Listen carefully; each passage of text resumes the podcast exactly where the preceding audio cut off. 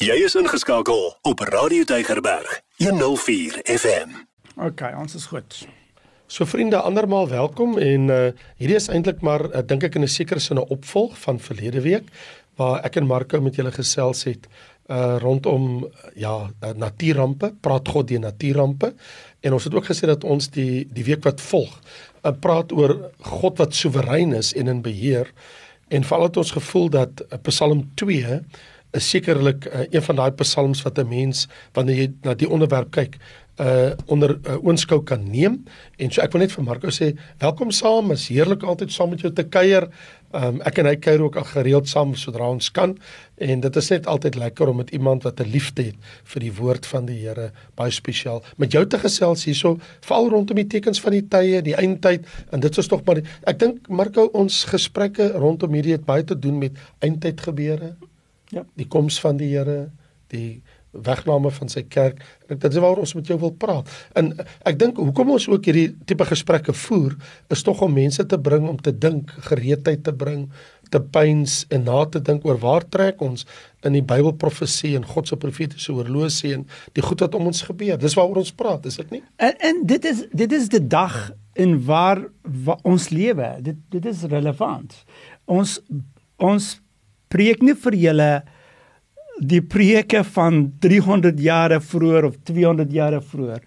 Ons aanbid aan julle. Ons ons preek vir julle en maak oop van die uit die Bybel vir julle wat die Here God gesê en wat is besig om te gebeur gebeur in die wêreld en wat is die koneksie tussen die twee? Die wêreld, die dinge wat gebeur in die wêreld en die Bybel. En dis hoekom ek dink Bible prophecies baie mooi onderwerp, baie interessante onderwerp. Ja, ja. En en die ding is in Suid-Afrika daar is nie baie mense wat preek preek oor dit. Net, net so. Ek is gevra deur 'n groep na die dag om 'n referaat te gee of 'n onderwerp aan te spreek. Wil jy glo dat ek nou vir jou gaan vertel? Is Raymond, sal jy asseblief praat met predikante oor uh, hoekom praat hulle nie oor die eindtyd nie? ek, ek, ek kan dit nie glo nie. Ek bedoel, hallo, die Bybel Jesus sê, kan jy nie tekens van die tye onderskei nie. Ons moet praat oor die tyd waarbinne ons lewe. En uh, my vriend Marco en ek het met jou gepraat oor wat in Turkye gebeur het. Dit's 'n geweldige ding.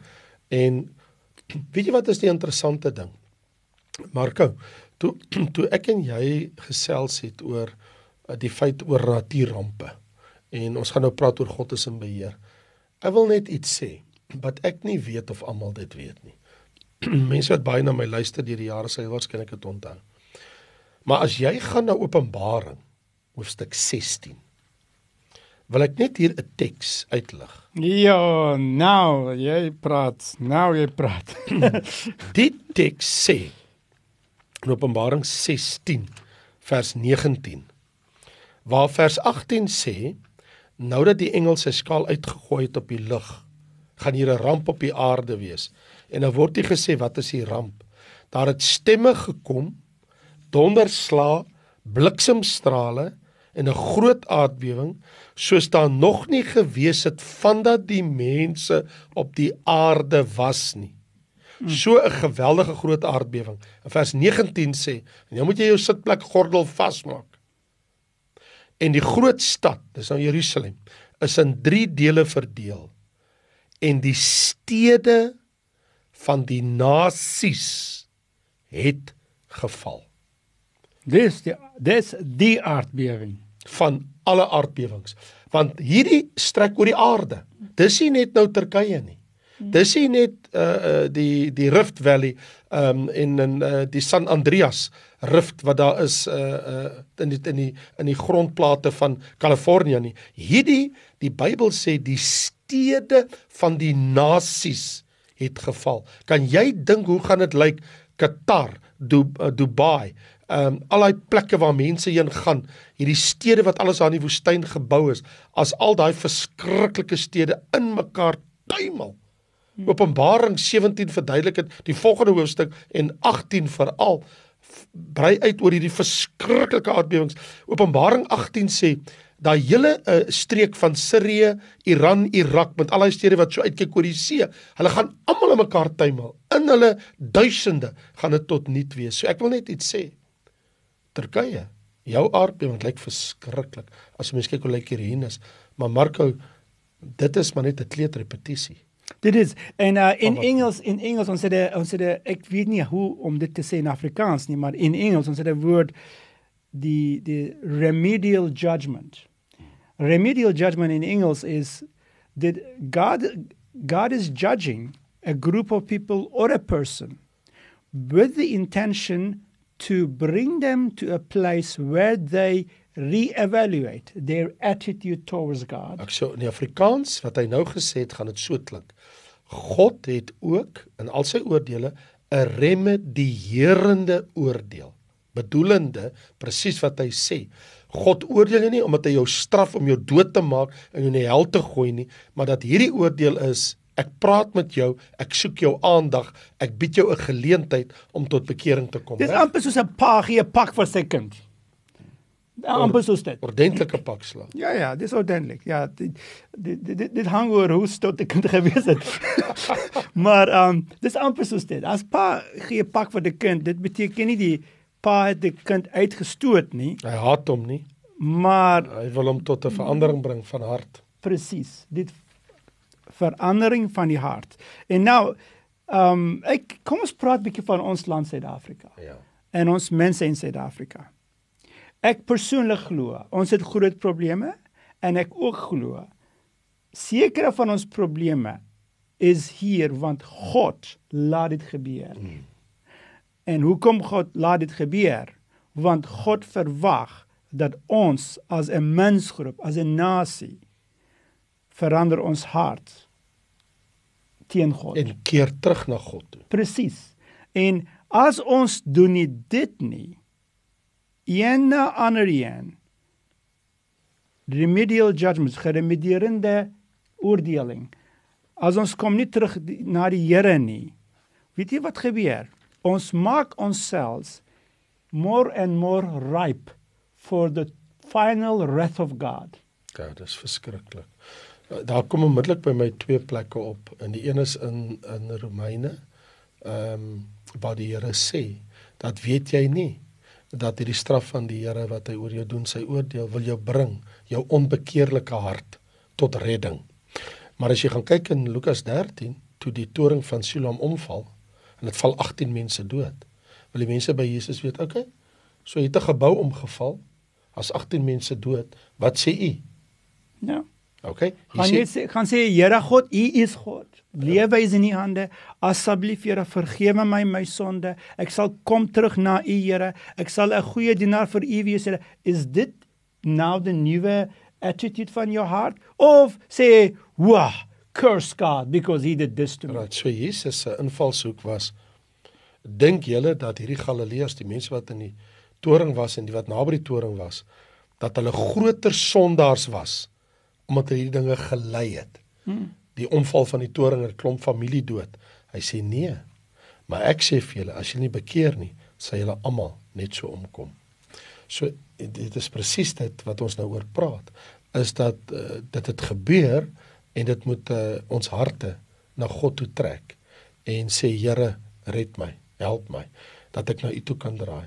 En baie van ons en, en ek hoor ook jou jou jou invalshoek is party mense sal omdraai en God vloek. Wel, hier is 'n interessante ding. Terwyl ek en hy ek en Mark met jou oor die eindtyd praat, het jy geweet dat as jy 'n studie doen van die boek Openbaring, het jy geweet dat in die eerste helfte van die groot verdrukking lees ons van mense wat tot bekering kom. In die tweede helfte van die groot verdrukking lees ons asof mense amper nie eens meer tot bekering kom nie. In ander woorde, mense word so verhard teenoor God dat maak nie saak meer wat God doen nie. Hulle wil nie hoor nie. Hulle vloek God, they curse God, uh blasphemy against God en hulle wil niks van God weet nie. Dit is verskriklik as jy daai hartstoestand bereik het. Dit is eintlik 'n baie moeilike ding altyd vir mense te verduidelik, maar baie maklik as jy gaan kyk na die 10 pla in Egipte land. Eerste 5 keer het mm. Farao sy hart verhard, die tweede 5 keer doen God dit vir hom. Ons praat daar oor die wet van hartsverharding. In ander woorde, as God met jou praat, moenie jou hart bly verhard nie, want as jy jou oorgee in jou eie hart, hoe sal jy dan omdraai? En dit bring vir ons hier by Psalm 2, reg? Mm. Ja, in Psalm 2, ek dink Psalm 2 is 'n fantastiese profetiese psalm. Dis baie profeties en ek dink baie keer mense besef nie hoe profeties dit is nie. En hier die Here God eintlik pr praat met ons in 'n poëtiese taal hmm. en hy sê kyk die die die leiers van die wêreld, die konings van die hmm. wêreld, die die kenners, die slim manne, ryk manne in die wêreld. Hulle kom saam en hulle vergader saam. Hulle maak planne saam teen God hmm. En teen die geseënde by God, geseënde van God. Is dit nie wat vandag in die wêreld gebeur nie? Presies. Presies. So hulle maak planne. En wat is wat se planne maak hulle? Ek vra vir myself. Wel, hulle planne is altyd ons sal soos God wees. Mm. Ons sal in totale begeer wees.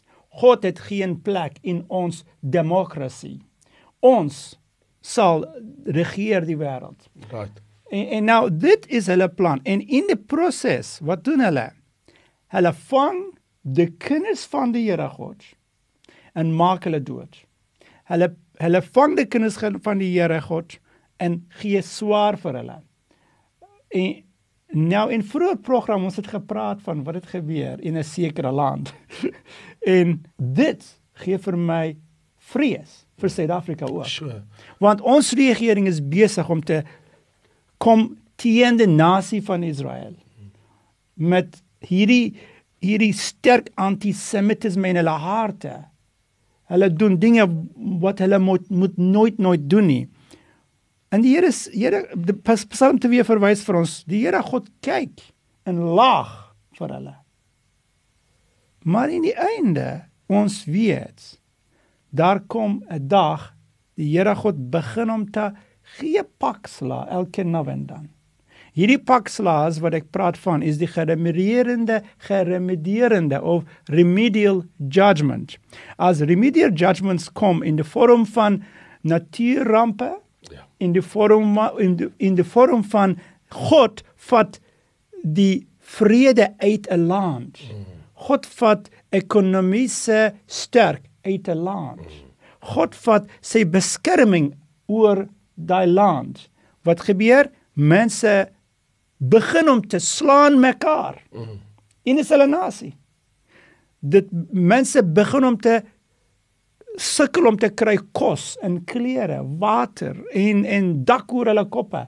Al hierdie, al hierdie is net vorms, verskillende vorms van God praat met ons. So die Here sal in Psalm 2 uh in lyn met wat Marko sê, sê hy: "Wees verstandig, o konings, laat julle waarsku." So die Here sê: "Luister, ek praat met julle. Laat jou waarsku. Luister na my." o regters van die aarde, jy moet die Here dien. Kus die seun Jesus, nê? Dat hy nie toornig word en jy gou op die weg vergaan. In ander woorde, moenie die seun verwerp, moenie sy mense verwerp, moenie sy kinders verwerp. Wel, hier's die probleem. Jesus die seun, die Messias, die een vir wie hy gegenereer het. Hy's 'n Jood. Hy's uit Israel. Hy's uit die stam van Juda. In ander woorde, in die ding wat uh, ons hierdie afgelope 2 weke met julle oor praat is, dit kom alles terug na Genesis 12. Wie jou vervloek, sal ek vervloek. Ons kan nie Joodse antisemitisme aanblaas nie. Ons kan nie Jode haat enigsins goedkeur nie. Dit maak nie saak wat ons wil sê en doen nie, maar die God van die Bybel se volk Israel sal altyd sy volk bly.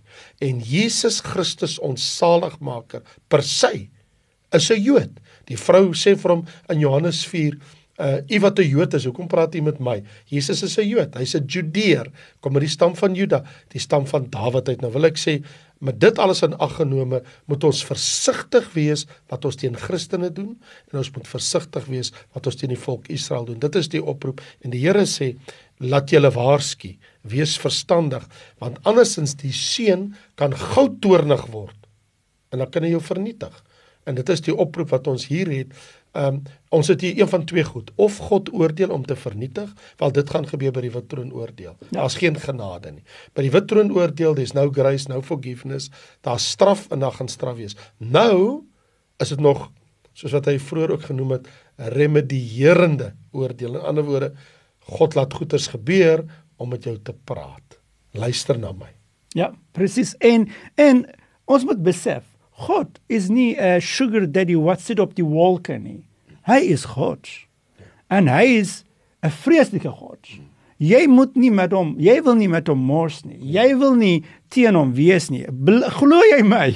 Glo jy my? Jy wil nie in die hande wat van 'n vreeslike God val nie. 'n Lewende God, ja. Ja. En hier staan dien die Here met vrees en daai vrees is nie soos 'n 'n 'n slaaf wat in een krimp voor sy meester nie, maar dit is soos 'n kind wat 'n vrees het vir sy pa. Ander woorde, uh, there's a reverence. Daar's 'n heilige respek. Daar's 'n eerbied vir die een met wie ons te doen het. As die Bybel sê vrees die Here, bedoel die Bybel nie hardloop in jou kamer, sluit die deur toe, kruip onder die bed weg en vlug weg van God af nie. Wat die Bybel bedoel is in jou hart weet met wie jy te doen het. Ja. Besef wie's voor wie staan jy? Hy het lewe en dood in sy hand. En en wat die Bybel hier sê is vir die regters en vir die konings en vir die leiers, uh, vrees God. Dien die Here. Kom voor hom met 'n met 'n heilige respek and have a reverence for the living God.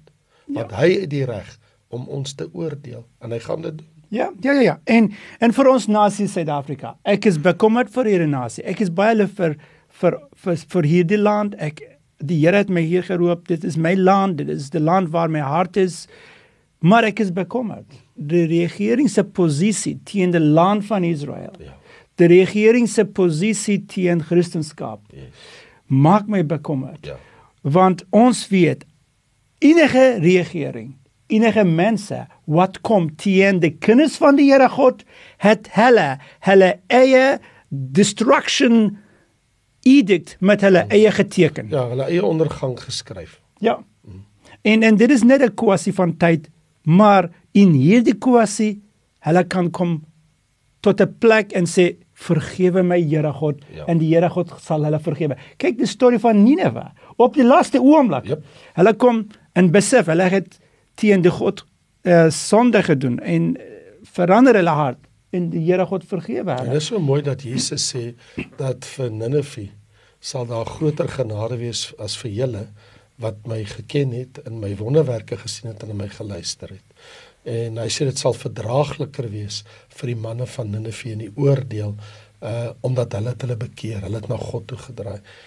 Ek dink ehm um, kom ons sê die afgelope 2 weke stem 'n mens tot uh diep nadenke en nigterheid en dit is dat is hierdie een van die dinge wat uh, baie duisende mense se harte gaan laat terugdraai na God toe in Turkye en ander mense op die aarde laat besef vrees God en gee hom eer want hy is in beheer.